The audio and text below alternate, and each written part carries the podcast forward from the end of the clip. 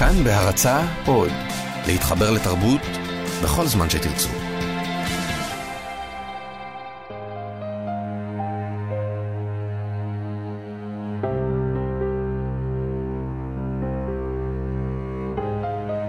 כאן תרבות, שלום לכם וערב טוב. ערב יום הזיכרון לשואה ולגבורה תשע"ח, אפריל 2018. מועד עצוב, קשה ובעל משקעים רבים, שבו אנחנו מתכנסים כדי להבטיח שלעולם, לעולם לא עוד. התוכנית שלפנינו היא תוכנית מורכבת שתיגע באחד מהפצעים החשופים בנושא שכולו חשוף ופצוע, הומור ואמצעי בידור שונים ותפקידם כאמצעי התמודדות בשואה וגם עם תוצאותיה. אנחנו נשוחח עם אה, חוקרים שבחנו את הנושא לפני ולפנים, וגילו שההומור היה ועודנו אמצעי לא מבוטל להתמודדות עם הקושי, עם הכאב ועם המשמעויות הבלתי נתפסות של מה שהיה שם לפני יותר מ-70 שנה. נדון בשוני התהומי בין היחס לשואה בקרב ישראלים לבין היחס לשואה בתפוצות, וננסה, כנראה שרק ננסה, להשיב על השאלה האם הומור אודות השואה גרוע יותר או פחות מניצול פוליטי של האסון הזה. דבר אחד אנחנו כבר יודעים בפתחה של התוכנית הזו ובפתחו של המועד הזה. מצחיק, כנראה שלא יהיה כאן בשעה הקרובה. אולי, בשאיפה, יהיה פוקח עיניים.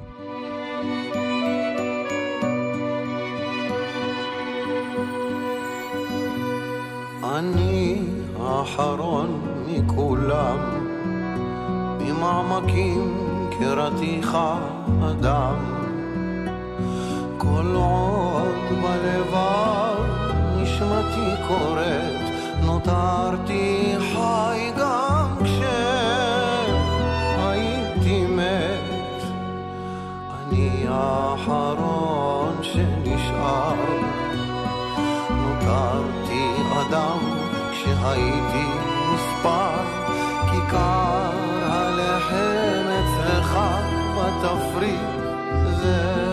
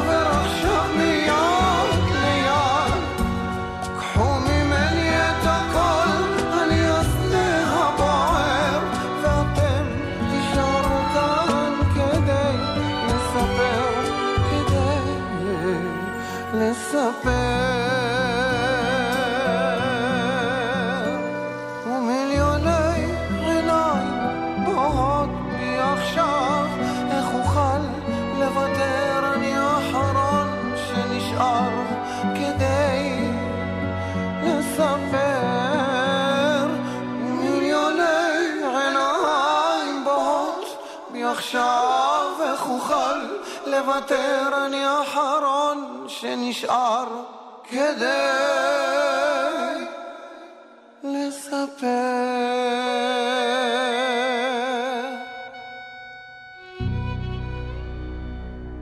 אמיר בניון, האחרון שנשאר, מילים משה קלוגהפט, אמיר בניון הלחין. ערב טוב לדוקטור חיה אוסטרובר, מחברת הספר ללא הומור היינו מתאבדים, שיצא בהוצאת יד ושם. שלום רב. לקראת אה, סוף העשור הקודם חיברת עבודת דוקטורט שהכותרת שלה היא הומור כאמצעי הגנה בשואה, שהפכה לספר שהזכרתי בתחילת הראיון שלנו. עוד לפני שנצלול למסקנות המאוד מעניינות של המחקר הזה, היה קשה להגיע לפרסום של דוקטורט כזה, נכון? כן, בהחלט. קודם כל היה קשה להתחיל את הדוקטורט הזה. כשהגעתי ליד ושם וביקשתי מכל מיני חוקרים אה, חומרים, אז הם הסתכלו עליי, הם לא ידעו מאיפה נפלתי בכלל, איך אני בכלל חולמת על אה, הומור. בתקופת השואה, וגם יצרתי קשר עם חוקרים בחו"ל, והם אמרו לי, זה כמו לחפש מחט בערימת שחת, דוקטורט לא יצא מזה. חזרתי למנחה שלי, פרופסור זיו, זכרו לברכה, ואמרתי לו, חזרתי די שפופה האמת, ואמרתי לו את מה שאמרו לי, אז אמר לי, זה בסדר, הם אמרו, ומה את חושבת? אמרתי לו, אני בטוחה שהיה הומור, מה זאת אומרת? הומור זה אמצעי הגנה, התמודדות שאנחנו יודעים שכל היהודים התמודדו מאז ומעולם. ואין שום סיבה שהוא לא יהיה גם בתקופת השואה. אז הוא אמר לי, אז הם חושבים ככה, ואת חושבת מה שאת חושבת, אז תתחילי במחקר. והוא צדק אה, במאה אחוז, אפילו יותר ממה שהוא חשב. הספר לא סתם נקרא ללא הומור היינו מתאבדים, זה היגד של אחת המרואיינות, וזה היגד מאוד משמעותי. והתברר כמעט כל המרואיינים שלי אמרו שההומור הציל את חייהם, בכלל אין שום דרך אחרת להתמודד עם זה. אבל לא צריך דווקא הומור בתקופת השואה. אני התייחסתי לזה הומור כמנגנון הגנה בגלל שפרויד מתייחס לזה כמנגנון הגנה. אבל זה אמצעי התמודדות נפלא עם כל המצבים הכי בעייתיים שיש לנו בחיים. זה נותן לנו פרספקטיבה אמיתית על המצב שבו אנחנו נמצאים. זה לא משנה את המצב. בעצם אובייקטיבית. אובייקטיבית, אותם אלה שהיו צריכים להירצח בתקופת השואה, נרצחו. אבל זה משנה את ההרגשה הסובייקטיבית של המצב שבו אתה נתון. כשאתה נמצא במצב גרוע ביותר, אבל אתה יכול לשניות ספורות להוציא את עצמך מהמצב הזה ולהסתכל על עצמך מבחוץ, כבר יהיה לך הרבה יותר קל. וזה בעצם מה שהם עשו. זה בדיוק מה שהם עשו. הדרך להסתכל עליך מבחוץ גורמת לך לראות את הדברים בפרופורציות הנכונות, וגם שינה את ההתמודדות שלהם בתקופת השואה, וגם כמובן את ההתמודדות שלהם אחר תקופת השואה. אבל אני חייבת לציין שכל המרואיינים שלי דיברו על זה שהם הגיעו, כמובן, הם, הם גדלו בבתים שהיה בהם חוש הומור, שאף אחד לא יחשוב לרגע שחוש ההומור התפתח להם בתקופת השואה, ממש לא. אולי זו הזדמנות גם לציין אה, בפרוטרוט שהחיבור בין שני העולמות האלה, הומור. ושואה, מעבר לעיסוק שלנו בדבר הזה, בהיבט הפסיכולוגי, זה לא עיסוק מצחיק. ממש, טוב שציינת את זה, ממש לא. אני עד היום, כל הרצאה שאני נותנת, אני פותחת בהיגד, שאני אומרת, שום דבר הקשור לשואה לא היה מצחיק. להפך, עוד היו גם הרבה אנשים שחשבו שאני הולכת לעשות צחוק מהשואה. וזה עוד חלק מזה שאני הייתי צריכה להתמודד עם הנושא. כי כשאני התחלתי, אני לא חשבתי שאני אקבל כל כך הרבה היגדים ושירים וקריקטורות שקשורים לנושא של ההומור. את ראיינת במחקר שלך 55 ניצולים. נכון. והיה קשה מאוד לאתר אותם, אני מתאר לעצמי. היה, אה, היה קשה לאתר אותם, אבל אה, זה, זה התחיל וזה הפך להיות מין כדור שלג כזה. פניתי באמת, הראשונים שפניתי אליהם זה דווקא אותם אנשים שאני יצאתי איתם, שהם היו מלווים במשלחות שאני הדרכתי. והסיבה שפניתי אליהם הייתה שהם הכירו אותי והם ידעו שאני אישה רצינית ואני שולטת במטריה וחס וחלילה אני לא הולכת לעשות צחוק מהשואה כמו שאנשים חשבו כי כשאנשים שומעים הומור ושואה זה לא סתם אני התעקשתי, היום אני כבר קצת פחות מתעקשת אבל בהתחלה התעקשתי שיקראו לזה ההומור כמנגנון הגנה בשואה ולא הומור בשואה. אפשר להבין מדוע. בוודאי.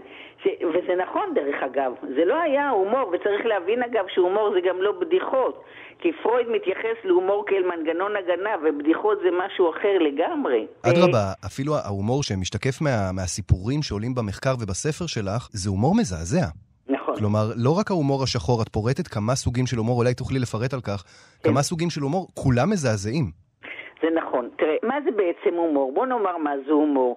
הומור, יש הרבה מאוד הגדרות להומור, אבל ההגדרה של הומור, שכל מה שאנחנו צוחקים זה הומור, היא יכולה להיות נכונה, אבל היא לא הייתה נכונה מבחינת מה שאני הגדרתי לי למחקר. צחוק זה פעולה פיזיולוגית.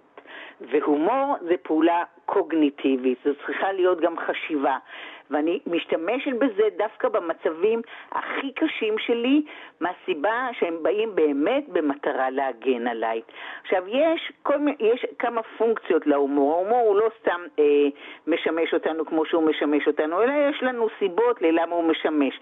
אז יש גם הרבה תיאוריות, יש תיאוריות עליונות, והפילוסופים הקדמונים, אריסטו, אה, אפלטון, אובס, כולם אמרו שזה הומור שהוא רק אה, אגרסיבי ולהגנות ולגנות. לגלוג ודורג ובאמת משפיל. זו תיאוריה אחת. ויש תיאוריה אחרת שמדברת על נושא של אי-התאמה בין הדברים. אבל פרויד דווקא הוא היה זה שדיבר שאנחנו צריכים חיסכון של אנרגיה נפשית. ודווקא האנרגיה של העכבות, כל מה שקשור לתוקפנות ולמין, אלה בדיחות. ואם אנחנו מסתובבים ברשת, אנחנו באמת רואים שרוב הבדיחות שיש זה באמת על או, או מיניות או תוקפניות. וזה בדיחות, זה בשום אופן לא ייקרא הומור מבחינתו של פרויד. ולעומת זאת, כשאני מדברת על, יש גם הומור את הסלפסטיק, מה שהוא מדבר על אנרגיה מנטלית, שאני מצפה לדבר אחד וקורה לי דבר אחר, זה בעיקר יש לנו בקריקטורות. אבל דווקא לחיסכון באנרגיה אמוציונלית הוא מדבר על הומור, שזה אנחנו רואים כמנגנון שמפחית חרדה. וזה תמצית ההומור לפי פרויד, זה שהאדם חוסך מעצמו את האפקט שהמצב יכול היה לגרום לו, ובעזרת בדיחה פשוט מבטל את האפשרות האמוציונלית להתרחשותו. זה לא אומר שהמצב עצמו לא, משת... לא, לא מתרחש, אבל הוא מפחית לך את הלחץ, וברגע שאתה מסתכל על זה אחרת, אז הראייה שלך, של הדברים היא גם ראייה אחרת, שהרבה יותר קל לך להתמודד. בואו נתחיל באמת מהנושא של הומור אה, עצמי, שדרך אגב זה הכי רווח אצלי במחקר, הנושא של ההומור העצמי. למשל מספרת אחת המרואיינות שלי שהיא נכנסה למחנה, אז אחד מהחברים שלה, אחד שעבד בזונדר קומנדו, הוא בא להודות לה על מה שהיא עשתה בשבילו בגטו, אז הוא אמר לה, תסדרי לך את השיער כי הוא נופל לך. והיא אומרת, והיה לי בכלל ראש מגולח. אז זה למשל דבר אחד. עכשיו, הנושא של השיער זה כמובן נושא מאוד רגיש אצל אנשים. אז הייתה מישהי שאמרה, הגענו לאושוויץ, ובאמת גילחו לנו את השיער, והיא אומרת, אני פתאום פרצתי בצחוק, וכולם הסתכלו סביבי וחשבו שאני משוגעת. ושאלו אותי, מה את מצ... אה, צוחקת? אז היא אומרת לי, אף פעם לא הייתה לי מספרה בחינם. עכשיו, זו הראייה שהיא מעודדת את עצמה נוכח המצב הקשה, שאיך היא אומרת לי, אישה לא הכירה את ה... אימא לא הכירה את הבת שלה אחרי שגילחו את השערות. וזה בדיוק המצב שהיא מעודדת את עצמה במצ... בסיטואציה נוראית. זה לא שלא גילחו לה את השיער בגלל זה, אבל היא הצליחה להתמודד עם זה הרבה יותר בקלות. אותה גברת שאני מדברת עליה, גברת לילי ריקמן, זכרה לברכה, היא מפורשות גם אמרה, אני עשיתי מצב רוח טוב רק לאלו שרצו לשמוע, ולא כולם רצו לשמוע, וזה דווקא היגד שהוא מאוד משמעותי מבחינתי. מה זה אומר? גם כשאנחנו נמצאים... הוא פורט בעצם מצבי התמודדות שונים של אנשים. בדיוק. יש אנשים שלא מצליחים להרחיק את עצמם מהסיטואציה, והם שקועים בה כל כך עמוק, שהם לא מוכנים לראות את הדברים מבחוץ. ואיך מישהי אמרה, תראי, אם אני כל הזמן אגיד, אני אמות, אני אמות, אז בסוף באמת גם תמותי. עכשיו זה למשל דוגמה אחת. דוגמה אחרת זה, זה מישהו שאמר לי, שאני כל הזמן אמרתי לחבר'ה, חבר'ה תאכלו ותאכלו, זה הומור שחור. תראו איזה להבה תצא מאיתנו, למה? זה הומור שחור מאוד. למה? כי כשאנחנו שמנים אז אנחנו יכולים להישרף. כשאתה מוזלמן ואתה רק עור ועצמות, אתה לא יכול להישרף. אז תמיד לקרמטוריום הכניסו אנשים שמנים עם אנשים רזים. אז הוא אומר, תאכלו כדי שתוכל לצאת מאיתנו להבה. והוא כל הזמן שואל אותי, את מבינה מה אני אומר? את מבינה מה אני אומר? אוי ואבוי. את פורטת במחקר שלך באמת אה, מספרית, לפי המרואיינים, את היקפי ההומור, וסיפרת לנו על הומור עצמי, שבמחקר שלך אה, כ-28% מהמשיבים אה, השתמשו בהומור כזה, הומור שחור כ-15%, וגם הומור על אוכל היה לנו, כן. 7%. כן. זה מאוד מגוון. שקרה לי במהלך המחקר, זה שאני חשבתי שאני רק אחקור היגדי הומור, ואני הגעתי לדברים שאני באמת לא רציתי לסיים את העבודה, ודווקא המנחה שלי כל הזמן אמר לי, חיה תסיימי, חיה תסיימי, נו כבר, נו כבר. כי אני פתאום נפגשתי עם אנשים, א', שהצהירו לי את ציורי הקריקטורות שהם נכון. ציירו. אני אפילו לרגע אחד לא חשבתי על הנושא הזה, והיו לי אנשים ש, שפשוט ציירו קריקטורות מדהימות שם במחנות, ואני רוצה להדגיש שכל ההומור שאני מתייחסת אליו זה הומור של המחנות, בדיחות שסופרו שם. הציורים זה ציורים שצוירו שם. הקברטים וההצגות שהיו, והיו דרך אגב קברטים והצגות בכל המחנות, כולל מחנות ההשמדה. ו- וגם שם זה, זה רווח מאוד. ו- ושירים, שירים הומוריסטיים היו, היהודים שרו שם, איך, איך אמר את זה שם מישהו? היהודים הלכו ושרו, הלכו לטבח כששירה על, על שפתותיהם. זאת אומרת, שרו לאורך כל הדרך, ולאט לאט המחקר שלי, ככל שחקרתי יותר, הוא פשוט הלך והתפתח יותר בגלל הדברים האלה שראיתי כמה סוגי הומור רבים היו שם. וזה דברים שבאמת לא דיברו עליהם. אף אחד לא חקר את זה, אף אחד לא התייחס לזה, כי, כי אנחנו מתייחסים כל הזמן להומור כאל בדיחות, ו- ולמה הייתה לי באמת בעיה כאן עם הנושא הזה? כי אנשים חששו שאם מספרים הומור, זה דרך אגב הרבה פעמים גם כאילו יצאו נגדי, שאם זה הומור, אז או שאני צוחקת על השואה, או שאני מזלזלת בשואה. מה שאני רוצה להראות זה איך אנשים במצבים הכי קשים שלהם, זה היה המרד הרוחני שלהם, במצבים הכי קשים שלהם, איך אמרה לי הדוקטור פליציה קראי, הם רצו לקחת מאיתנו את הכל, אבל את הנשמה שלנו הם לא לקחו, וזה בדיוק היה ההומור. היא אומרת, הם רצו להפוך אותנו לרובוטים, ואנחנו פשוט לא נתנו להם. כי זו הייתה הדרך של ההתמודדות, זו הייתה הדרך של המרידה, זה היה בדיוק מה שהחזיק אותם בלשמור קצת על שפיות דעתם. כי זה לא פשוט היה להתמודד עם הדברים שהם התמודדו, שהם, אני לא צריכה לומר את זה, אבל יש, פרנקל בספרו "האדם מחפש משמעות" מספר על זה שלקראת ערב הם כולם התאספו, כל אלה שעבדו קרוב למחנה, התאספו לראות שם את ההצגה. והוא אומר, היו אנשים שוויתרו על פת הלחם שלהם כדי ללכת לראות את ההצגה. הוא אומר, באנו לרגע אחד לצחוק או לבכות, העיקר רצינו איזשהו רענון.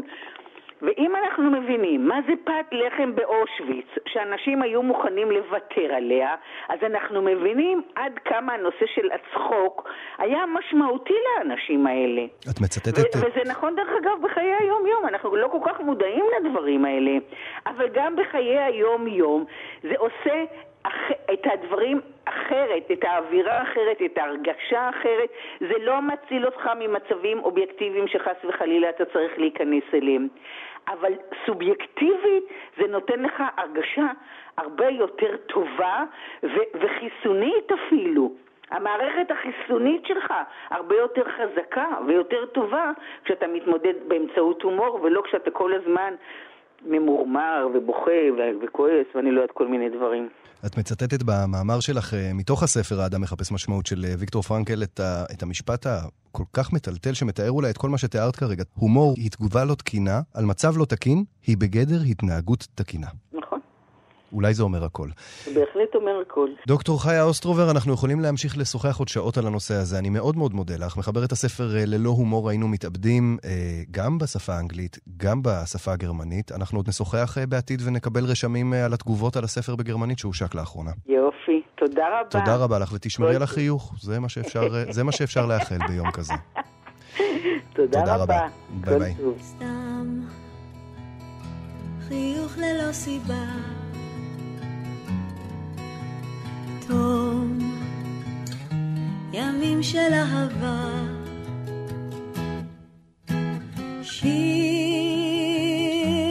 ישן לאור ירח, וריח משקר שלך, וכך אותך אני זוכר. גל שוטף את העולם, חום הולך ונעלם. צחוק מאיר את השמיים, מזכיר שהמשחק נמשך ואז...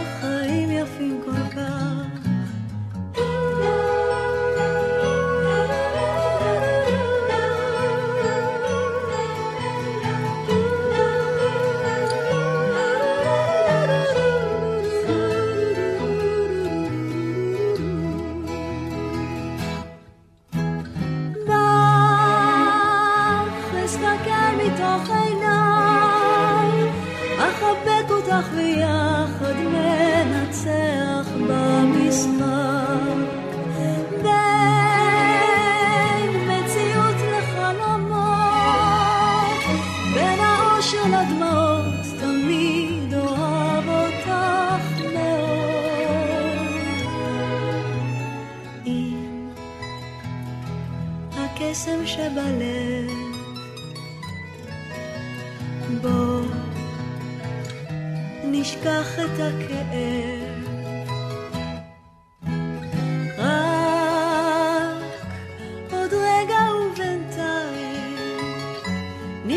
שהמשחק נמשך והחיים יפים כל כך.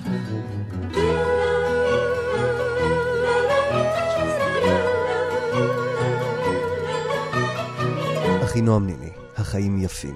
השיר הזה שמוכר אה, לכל הוא שיר הנושא של סרט הקולנוע בבימויו ובחיכובו של היוצר האיטלקי רוברטו בניני, שנקרא כמובן החיים יפים. הסרט, שמתאר את סיפורה של משפחה איטלקית ואת קורותיה הטרגיים במהלך מלחמת העולם השנייה, ספג ביקורת ציבורית חריפה עם צאתו לאקרנים.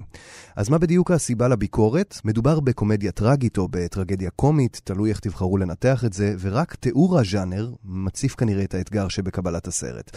במרכז העלילה רוברטו בניני מגלם את דמותו של היהודי האיטלקי גוידו אוריפיצ'ה, שהופך עולמות עד מותו הטרגי כדי להסוות את זוועות מחנה הריכוז מעיני בנו במעין משחק שהוא המציא לאחר שהגיע עם בנו לגטו. כך נשמע אחד מהרגעים המכוננים ביותר בסרט הזה.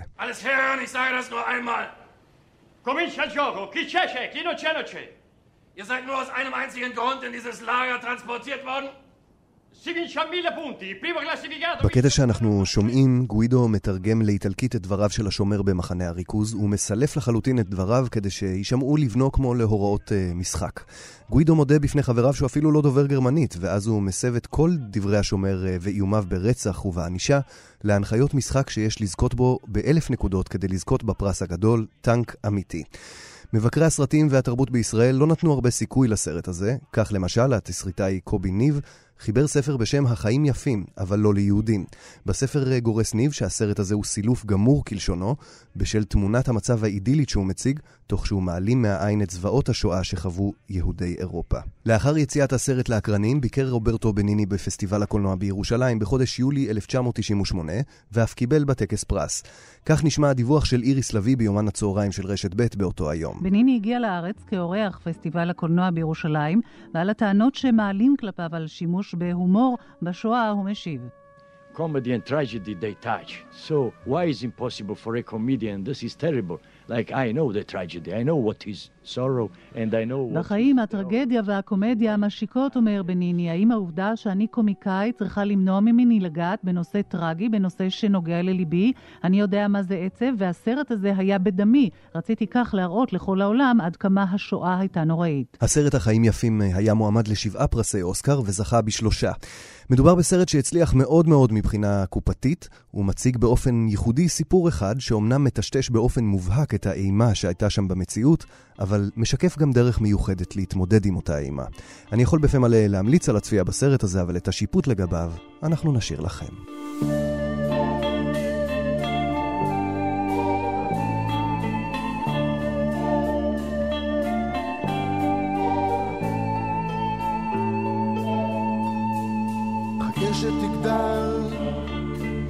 אמרו לך לא פעם, איש אחד גבוה ואישה נמוכה, אם לא תאכל, לא תגדל אף פעם. ילד טוב משאיר צלחת ריקה,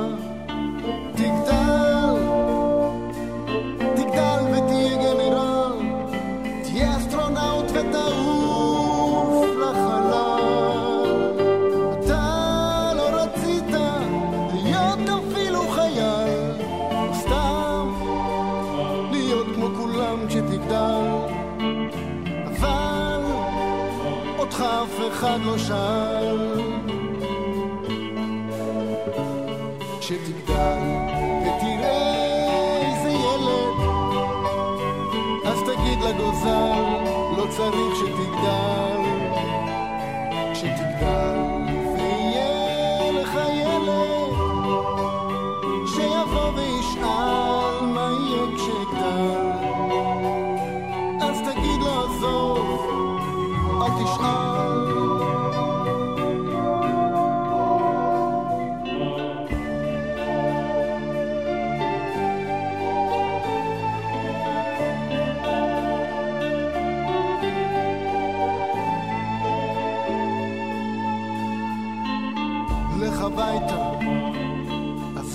הספר. אמרו שממך כבר לא יצמח שום דבר. אישה גדולה ואיש במשקפיים, המשיכו לרדוף עד הסוף, עד עפר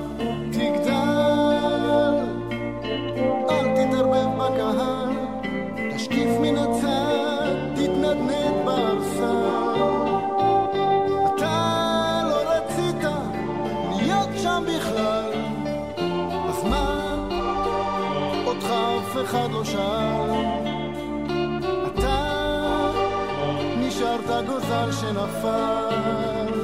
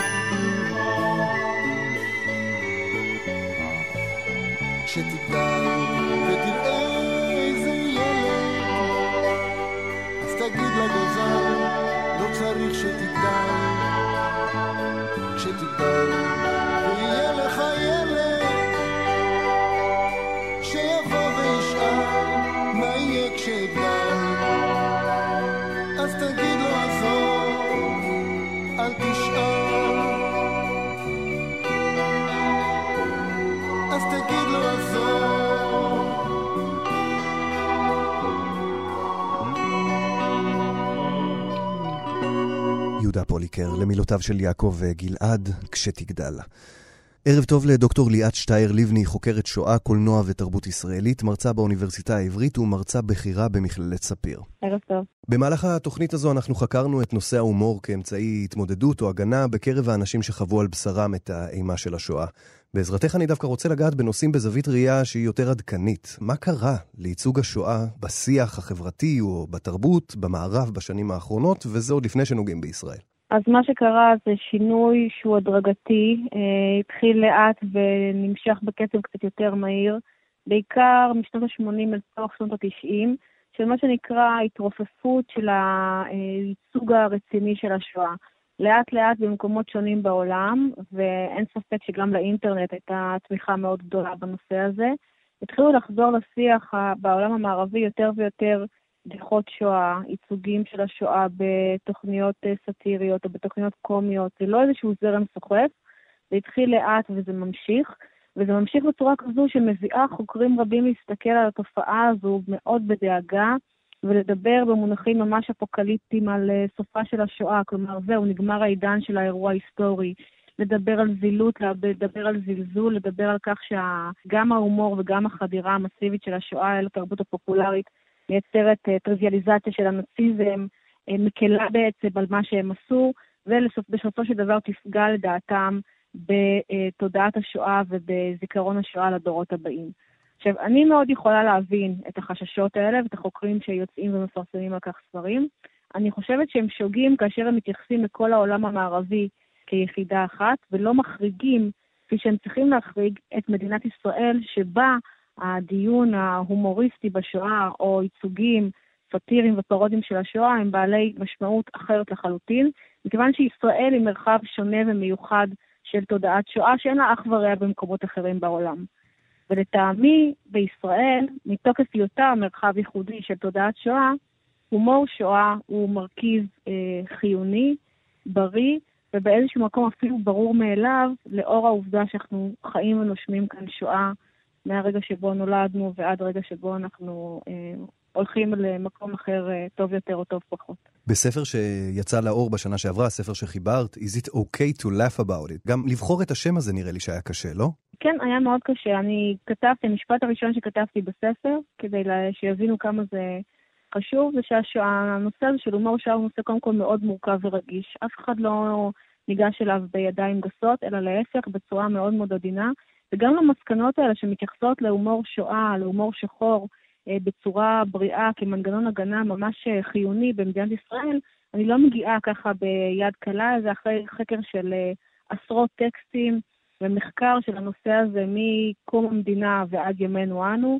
ניתן שם איזושהי סקירה היסטורית של הנושא הזה, תוך מתן הסבר, שוב, כאשר מדובר במדינה שחיה את הנושא הזה בצורה כל כך כל כך אינטנסיבית, הומור שואה הופך להיות עבור אנשים ספציפיים, כמובן שלא עבור כולם, עבור uh, חלק מהציבור לפחות, הומור שואה הופך להיות מנגנון הגנה חשוב, חיוני ובריא, וזה נשען אצלי במחקר על מחקר הומור שחור, שהוא מחקר שקיים מימי פרויד יותר ממאה שנה קדימה, ומחקר של העברה בין-דורית של טראומה, שגם זה מחקר ענף ביותר בעשורים האחרונים. וכל השילוב הזה ביחד הביא אותי לתוצאה או למסקנה שלהומור שואה עבור אה, חלקים מהציבור היהודי-ישראלי יש חשיבות מאוד גדולה.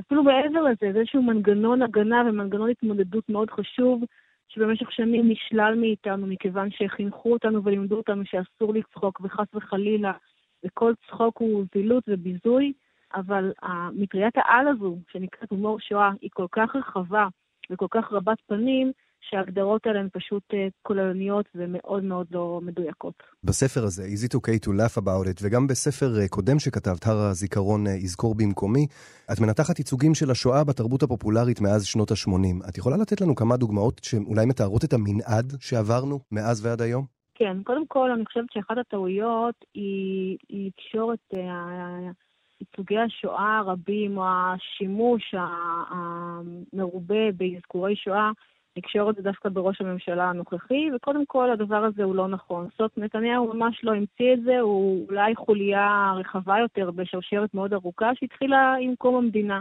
הייצוגים האלה הופיעו כבר בשנות ה-40, כבר בשנות ה-50, ומי שהשתמשו בהם לא היו רק אנשי אה, אז תנועת החירות אה, ואחר כך הליכוד, אלא בהחלט גם אנשי מפא"י.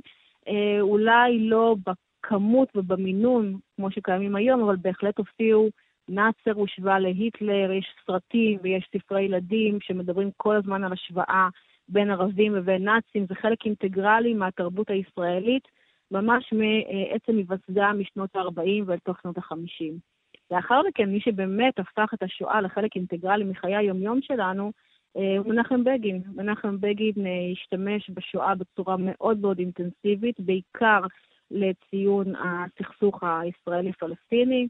אה, גם מול ערפאת, שהוא היטלר החדש, וגם אה, מול אה, בכלל אזורים אחרים ומקומות אחרים. למשל, לשלוח, להפציץ את הכור בעיראק, זה כמובן היה כמו לשלוח, להפציץ את הכור של היטלר בברלין וכדומה. ולאחר מכן המשכנו קדימה, כאשר פוליטיקאים, אישי ציבור, עיתונאים, אפילו בתוך, אתה יודע, הדברים הטריוויאליים ביותר, בדיוק פרסמו אתמול בעיתון, ראיתי, זה כל כך הצחיק אותי, הייתה איזו סערה בשנות ה-90 סביב אה, ריקוד של אה, להקת בת שבע, אה, אם כן ירקדו בחולצות קצרות וגופיות או לא ירקדו, והייתה מהומה רבתי בעניין עם החרדים, והבמאי כותב מעל גבי העיתון, זו שואה. כלומר, זה קיים כבר אז בכל מקום אפשרי. ובשנים האחרונות נוצר איזושהי, נוצרה איזושהי תופעה שבה הדברים רק הולכים ומעמיקים, הולכים ומתחזקים. והגענו למצב שבאמת אה, יש איזה משפט מאוד ידוע באינטרנט, שתוך אה, שלוש דקות אתה מגיע לאזכורים של שואה ושל נאציזם, אז בישראל אולי זה תוך אה, שתי דקות, והצעקות אחד על השני, אתה נאצי, לא אתה נאצי, והאזכורים של שואה הופכים להיות באמת אינטנסיביים בצורה, הייתי אומרת, לא הגיונית, שמצביעה על האנומליה של תודעת השואה שבה אנחנו חיים. מה יותר ציני, הומור שעוסק בשואה, או ניצול פוליטי של שואה? אני חושבת שיש דברים הרבה הרבה יותר חמורים uh, מהומור. קודם כל, הומור לדעתי, כמו שאמרתי, זה לא דבר חמור. כשאני חוקרת את, את הומור השואה בישראל, את הומור השואה בעברית, המסקנה שהגעתי אליה, קודם כל, שהרוב רובו של הומור השואה זה לא הומור שואה, כלומר שצוחק לא על הניצולים ועל הסבל שלהם. הסאטירה לא הולכת לשם, ממש לא. לא צוחקים לא על הניצולים, לא על הסבל שלהם, לא על מה שהם עברו. יהודים, דרך אגב, בתקופת השואה, וזה בטח אה, חיה אותו, ואמרה לך, צחקה, צחקו על עצמם הרבה יותר ממה שהסאטירה בישראל עושה היום. חד משמעית. מרכז, מרכז הסאטירה הישראלית בהקשר הזה, או מרכז השילוב הזה של הומור ושואה, זה הצחוק הוא עלינו. עלינו, בני הדור השני והשלישי והרביעי, על הדרך שבה אנחנו זוכרים ומזכירים על המנהיגים הפוליטיים שלנו שמנצלים אותם, הבדיחה היא על חשבוננו, בוודאי שלא על חשבון הניצולים, ובכך הומור שואה הופך להיות כלי פוליטי לכל דבר, כאשר הסאטירה, תפקידה של סאטירה הוא לשנות את החברה. ומכיוון שאנחנו חברה שחיה ונושמת שואה, ועל כל דבר אנחנו מסתכלים דרך משקפי שואה, בסופו של דבר סביר להניח שגם הסאטיריקנים יבינו שכדי להזיז משהו בתחומים שונים בישראל, צריך להשתמש בשואה, כי זו השפה, זה המנעד הלשוני שהציבור הישראלי מבין. שואה, דרך משקפיים של שואה. אז הומור שואה צוחק גם על הזיכרון של השואה ועל הדרך שבה אנחנו מייצרים זילות וביזוי, אבל גם על הרבה מאוד נושאים אחרים. ואז נוצר מצב, שהוא לטעמי מצב באמת אבסורדי, שבו ההומור השואה צוחק על הזיכרון של השואה, על האינטנסיביות שלו, על הדרך שבה אנחנו חיים את זה ביום-יום, אבל ברגע שאתה משתמש כל כך הרבה בהומור שואה, אתה רק מחדד ורק מחזק את העובדה שאנחנו חיים את זה ביום-יום, וכל הזמן. כי השואה נמצאת בכל מקום, היא לא נמצאת רק ביום השואה, היא נמצאת גם בתוכניות סאטירה. והיא לא נמצאת רק בטקסים, אלא היא נמצאת גם בטוויטר. אתה פשוט מגיע למצב שבו לאן שלא תפנה, זה קיים. אז ההומור, לטעמי, הוא סוג של חרב פיפיות. כלומר, מצד אחד מנסים להתנגח עם האינטנסיביות של השואה ולהגיד, עד כאן, בואו נעצור את זה, בואו נראה כמה זה מגוחך, כמה אנחנו מגוחכים. ומצד שני, מכיוון שמשתמשים בהומור הזה, מחדירים את זה עוד יותר לתוך חיי היומיום שלנו. ככה יוצרים מעין מעגל בלתי נפסק של תודעת שואה כל כך כל כך אינטנסיבית. חייב לומר שעם שפוחד הוא עם שנשלט, הרבה יותר בקלות, לא? אין ספק. כנראה שזה חלק ספק. מזה. אין ספק שזה חלק מזה, ואין ספק גם שמאוד מאוד קל לעורר אצלנו את הפחדים האלה, שאני אפילו לא יכולה להגיד שהם פחדים מורדמים, כי הם כל הזמן שם. והם תמיד היו שם, וכמו שאמרתי קודם, משנות ה-40, זוכרים לה, אה, להגיד לנו את זה שוב ושוב. עכשיו, אני תמיד תוהה בהקשרים האלה, מה היה קורה אם אה, לא היה סכסוך ישראלי-פלסטיני? האם היינו ממשיכים להיות עד כדי כך מפוחדים? היינו ממשיכים להיות עד כדי כך שקועים בתוך תודעת השואה? אני כמובן לא יכולה לענות על זה, אבל אני חושבת שזה חלק אינטגרלי מזה, כי כשבודקים את תודעת השואה בישראל ואת האינטנסיביות שלה, הרבה מעבר להומור, אני מדברת גם על הפן הרציני, אתה רואה שהקישור הזה לסכסוך הישראלי-פלסטיני כל הזמן שם. ויש איזשהו קו ישיר מאוד מאוד ברור משנות ה-40 באירופה לשנות ה-40-50 בישראל, וקדימה, 70 שנה קדימה, לתוך אה, ימינו אנו, וזה כל הזמן נמצא שם. זה מעולם לא הלך לאיבוד. אנחנו, אה, בעצם הצאצאים של הניצולים, והרבה פעמים הערבים אמורים להיות מיוצגים בתור הצאצאים של הנאצים. אצל השמאל הרבה פעמים אנחנו הופכים להיות גם הצאצאים של הנאצים, בעיקר חיילי צה"ל ובשטחים, וזה כל הזמן קשור לסכסוך הזה. מה היה קורה אם לא היה הסכסוך הזה? האם היינו שקועים באמת באותה תודעה? אי אפשר לדעת. דוקטור ליאת שטייר לבני, חוקרת שואה, קולנוע ותרבות ישראלית, אנחנו מודים לך מאוד מאוד שהיית עמנו, שיהיה המשך ערב קל. תודה רבה. הסופר, העיתונאי ולימים גם פרטיזן, שמריהו קצ'רגינסקי, יליד ליטא, פרסם בשנת 1948 ספר אנתולוגיה שמאגד בתוכו שירה ביידיש, שחוברה במחנות ההשמדה ובגטאות בתקופת השואה. בין היתר מופיע באנתולוגיה גם השיר מעות מעות, או מויס מויס איז די בסטה זך, ביידיש כמובן. השיר נכתב על ידי מחבר בלתי ידוע, שיר ציני, עוקץ ומאוד כואב. הנה בית אחד ממנו בתרגום לעברית של משה הוך. מעות מעות אין עוד כמותן, המנהל היהודי גובה מאיתנו מעשר, ולנו בתמורה לחם וסחרין מוסר. מעות מעות, אין עוד כמותן.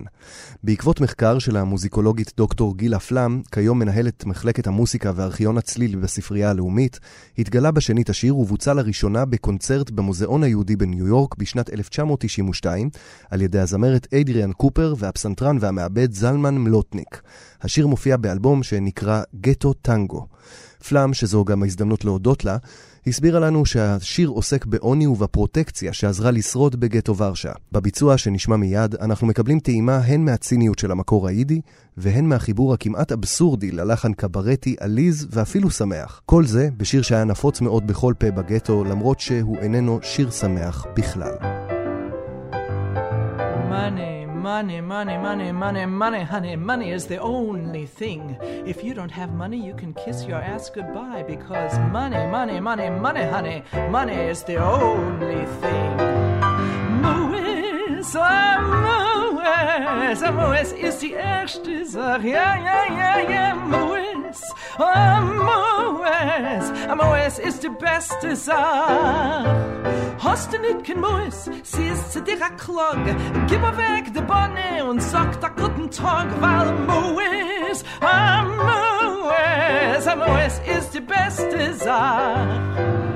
Now, the Jew government here in ghetto land, they oppress us with heavy, heavy taxes. But in return, they kindly give us all the bread and saccharin we can stomach. I tell you, money, money, money, money, honey. Money is the root of all things. Die jiddische Gemeine nimmt von uns dann inne und gibt uns doch zu essen, bereut mit Sacharine, weil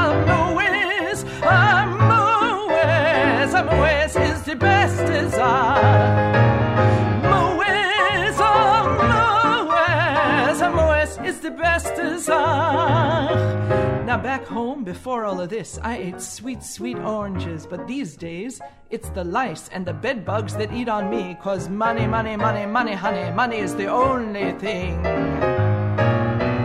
In der Heim hab ich gegessen Pomeranzen, heint essen mich ruf, der Leis mit der Wanzen, weil Moes, oh Moes, Moes ist die erste Sache. If you don't have money, you are out of luck. If you don't have money, you are fucked, cause money in this place is the only thing. You say you lack money, you don't have any. Now I have just the plan for you. You find yourself a hole and crawl in there, cause money, money, money, money, money, money, honey, money is the only thing. Moes, oh, Moes, oh, Moes is the best of, oh yeah. Moes ist die erste Sache. Hast du nicht kein Moes, hab ich von dir Plan. Gewinn sich ein Loch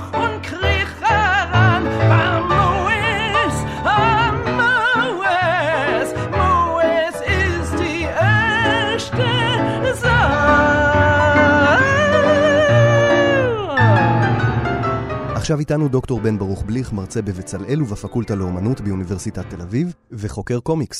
שלום איתי. ביקשנו לדבר איתך על הנושא של הייצוג הגרפי של השואה. הן הבידורי והן הטרגי, שמתחיל מימיו של אה, הורסט רוזנטל, שנספה באושוויץ, ונשמח אם תוכל לספר לנו את הסיפור שלו.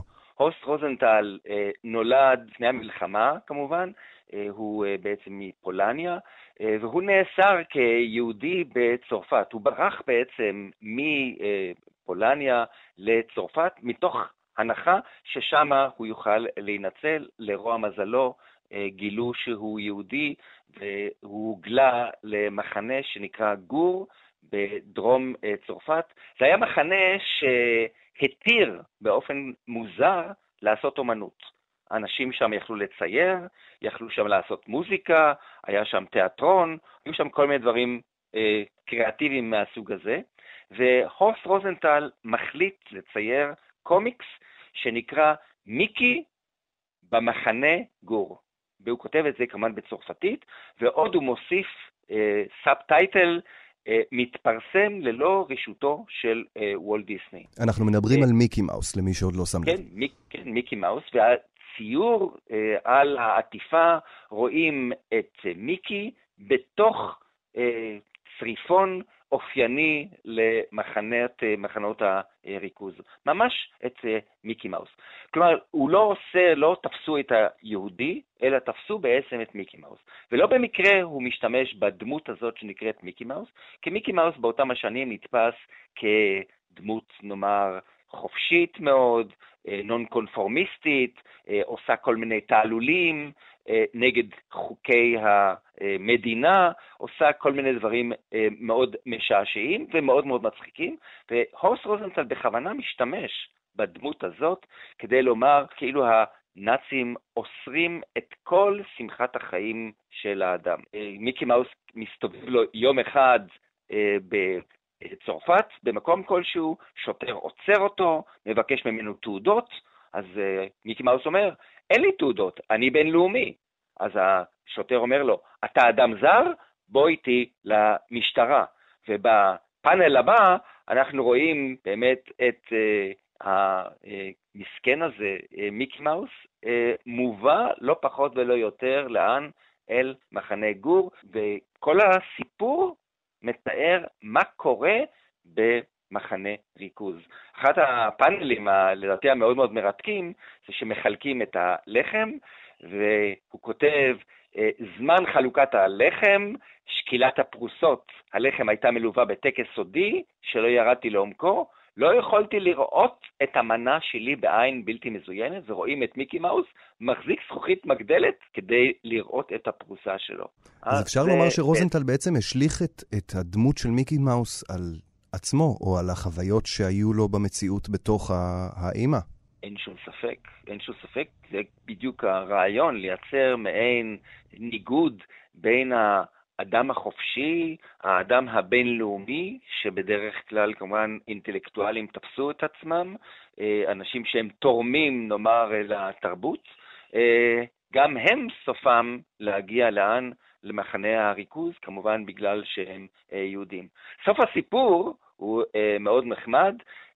מיקי מאוס אומר לעצמו שאוויר הפירניים לא מתאים לי יותר, ומכיוון שאני בעצם ציור, קרטון, הוא אומר, הנה אני מוחק את עצמי ואני עובר למקום אחר, וזה גם ביקורת, דרך אגב, על צרפת עצמה, שהיא אגליטה, פרטרניטה, ארץ החופש והשוויון, ואני עובר בעצם הברית, כי מה? כי אני בעצם קרטון, אני בעצם קומיקס, אני יכול למחוק את עצמי. כלומר, הוס רוזנטל מבין יפה מאוד שבמחנה הריכוז אה, האישיות שלו נמחקת.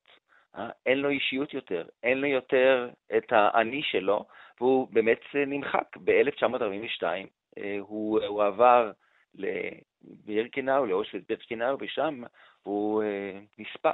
אפשר לפרש את זה אולי בכיוון ההפוך גם, שהוא ביקש בעצם לברוח באמצעי הזה. לא רק זה, הוא ביקש גם לברוח באמצעות הקומיקס.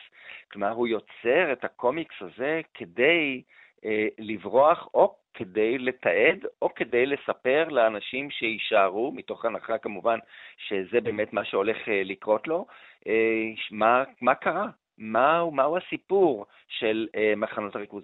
אתה יכול לספר לנו על עוד סיפורים כן, דומים? כן, היו סיפורים שגם כן היה בעצם, נקרא לזה התחזות, שימוש באליגוריה, ואולי הסיפור המאוד ידוע זה בעצם מאוס. אה, מאוס שהתפרסם לראשונה ב-1986, דם, דרך אגב, תורגם לעברית, שני הכרכים אה, תורגמו לעברית. אה, אבא שלי מדמם היסטוריה, זה הפרק הראשון, סיפורו של ניצול, ושם היהודים הם מה? הם עכברים, והנאצים הם חתולים. והוא באמת מתאר אחד לאחד, ממש אה, בצורה אה, כרונולוגית, איך אבא שלו נאסר, איך הוא עבר את השואה, אה, המאורעות שלו במחנות הריכוז למיניהם, וגם יש שם תיאור גרפי, ממש פרטי פרטים, איך נראה מחנה ריכוז, איך נראה מחנה ריכוז מבפנים, הוא מתאר באמת את אה, בירקנאו. אה, אולי אחת באמת היצירות המאוד מאוד מאוד דרמטיות, המאוד מאוד חזקות, הציורים של אה, שפיגלמן הם בשחור לבן, ובאמת מתארים את האימה, האימה של העכברים היהודים, וזאת אסוציאציה, דרך אגב, לאחד הסרטים, סרטי הפרופוגנדה, סרטי התעמולה, הנאצים, היהודי הנצחי, ששם היהודים מתוארים כעכברים. זה אחד הסרטים המאוד מאוד חזקים של פריץ היפלר, ששם הוא מתאר את היהודים בתור עכברים, והוא מריץ live אה, עכברים באיזשהו מסדרון, וארט שפיגלמן לוקח את הדימוי הזה והופך אותו לסיפור אה, גרפי. זה באמת אחד הסיפורים המאוד מאוד חזקים, מתורגם לעברית אה, בשנים האחרונות על ידי יהודה ויזן. זה באמת אה, סיפור מאוד נוגע ללב.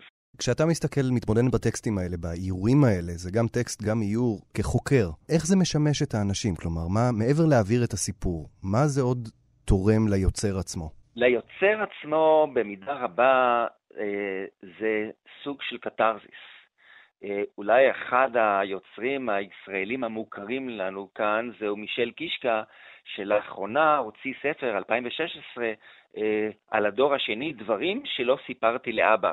אה, הוא חי במשפחה של, נקרא לזה, יוצאי שואה. האימה הייתה שם כל הזמן, אה, כל הזמן היו שם בעצם שתיקות, כמעט ולא דיברו. דרך אגב, גם ארט ספיגלמן מתאר את אבא שלו כאדם שותק, ולקח הרבה זמן עד שהוא התחיל לדבר. ומישל קישקה באמת מספר על דברים שלא סיפרתי לאמא, לאבא, סליחה, על כל החלומות שלו, על כל המחשבות שלו, על כל ההרהורים שלו. מה קרה לאבא שלו ולמשפחה בכלל אה, במסגרת השואה. אז אני חושב שמה שקורה בעצם לאומנים הללו בגדול, זה סוג מסוים של קתרזיס. הם מספרים, לא רק לנו, הם מספרים קודם כל לעצמם, מה הם הרגישו ביחס לשואה, ביחס למאורעות השואה שעברו אה, המשפחות שלהם. עכשיו, אני חושב שבגדול אפשר לומר שבשנים האחרונות, וזה מעניין שמשנת 2000 ואילך, אנחנו רואים הרבה מאוד יצירות גרפיות, הרבה מאוד קומיקסים של השואה, ואחת אולי הסיבות היא שככל שאנחנו מתרחקים מהאירועים, נאמר, הכרונולוגיים, שחלק גדול מאיתנו גדלנו עליהם אה, ביום השואה. אני למשל גדלתי על כך, אה, על אה, משפט אייכמן. אה, ב-61, 62, אנחנו היינו, שמענו, היו תקליטים אפילו, שמענו את משפט אייכמן live.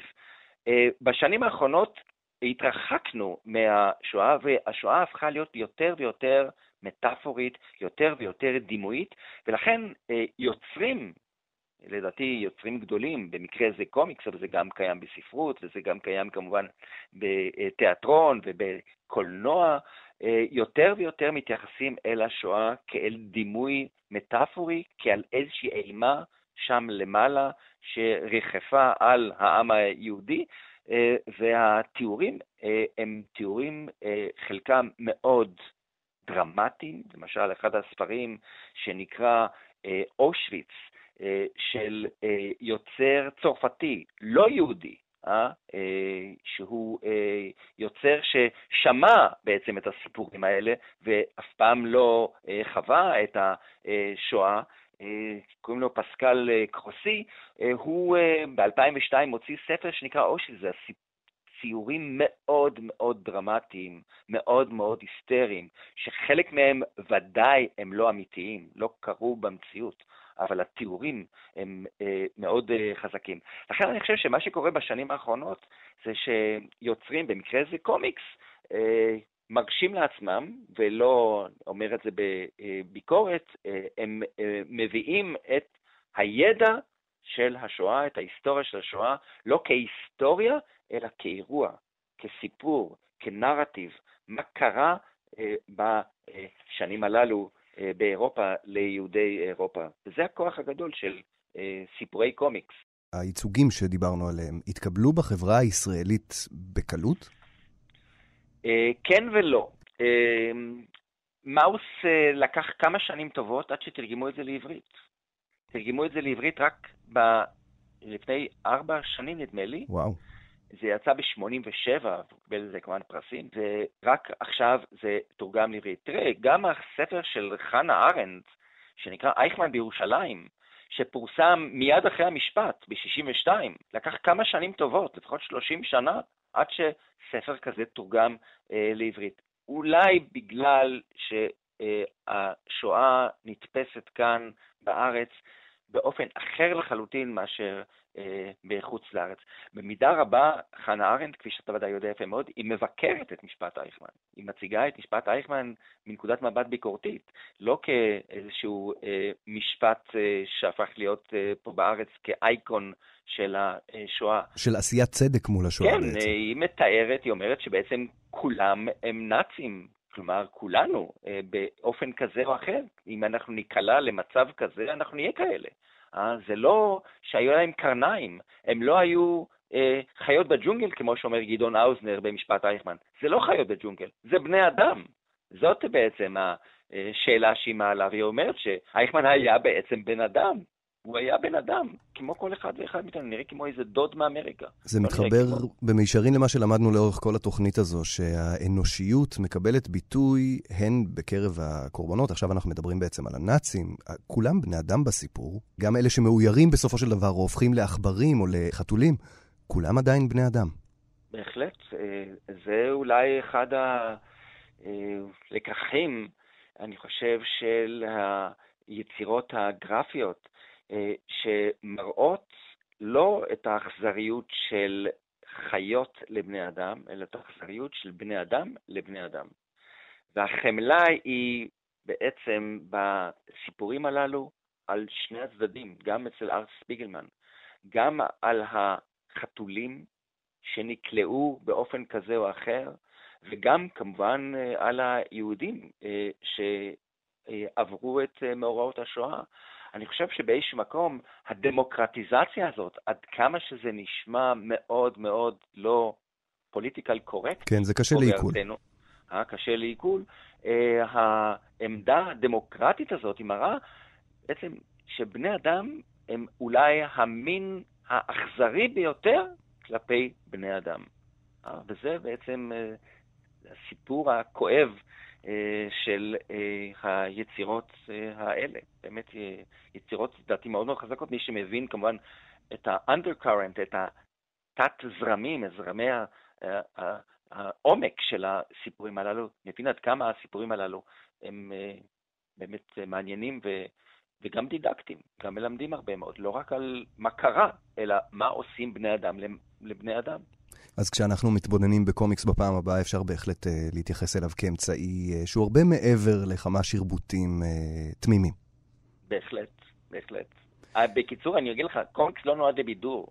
קומיקס נועד בעצם ללמד את עצמנו על עצמנו. אז בהחלט אפשר לקוות שנלמד משהו. דוקטור בן ברוך בליך, אנחנו מודים לך מאוד ובהצלחה בהשלמת ספרך בימים אלה על הישראלי בראי הקומיקס. בוודאי נלמד גם מזה משהו. תודה לך, איתי. ערב טוב. אגב, הזדמנות אה, לציין שלאחרונה ראה אור בעברית יומנה של אנה פרנק אה, בקומיקס שיצרו ארי פולמן ודוד פולונסקי.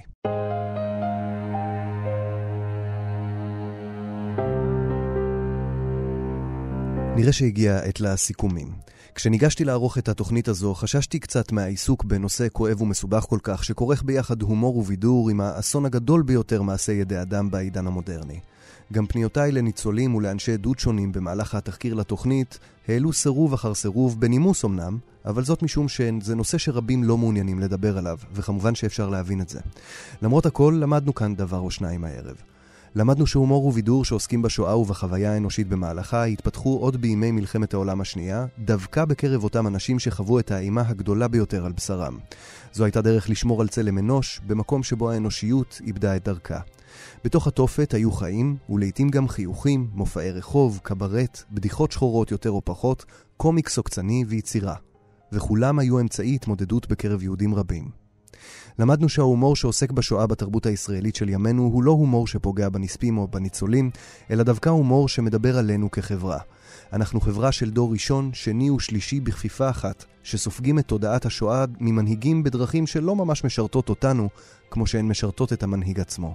והחשוב מכולן, למדנו שיש דרכים לזכור את האסון הגדול, לעתים גם בקריצה, וזאת מבלי לחשוש מפני פגיעה בזכר השואה, כי בסוף, העיקר הוא לא לפחד.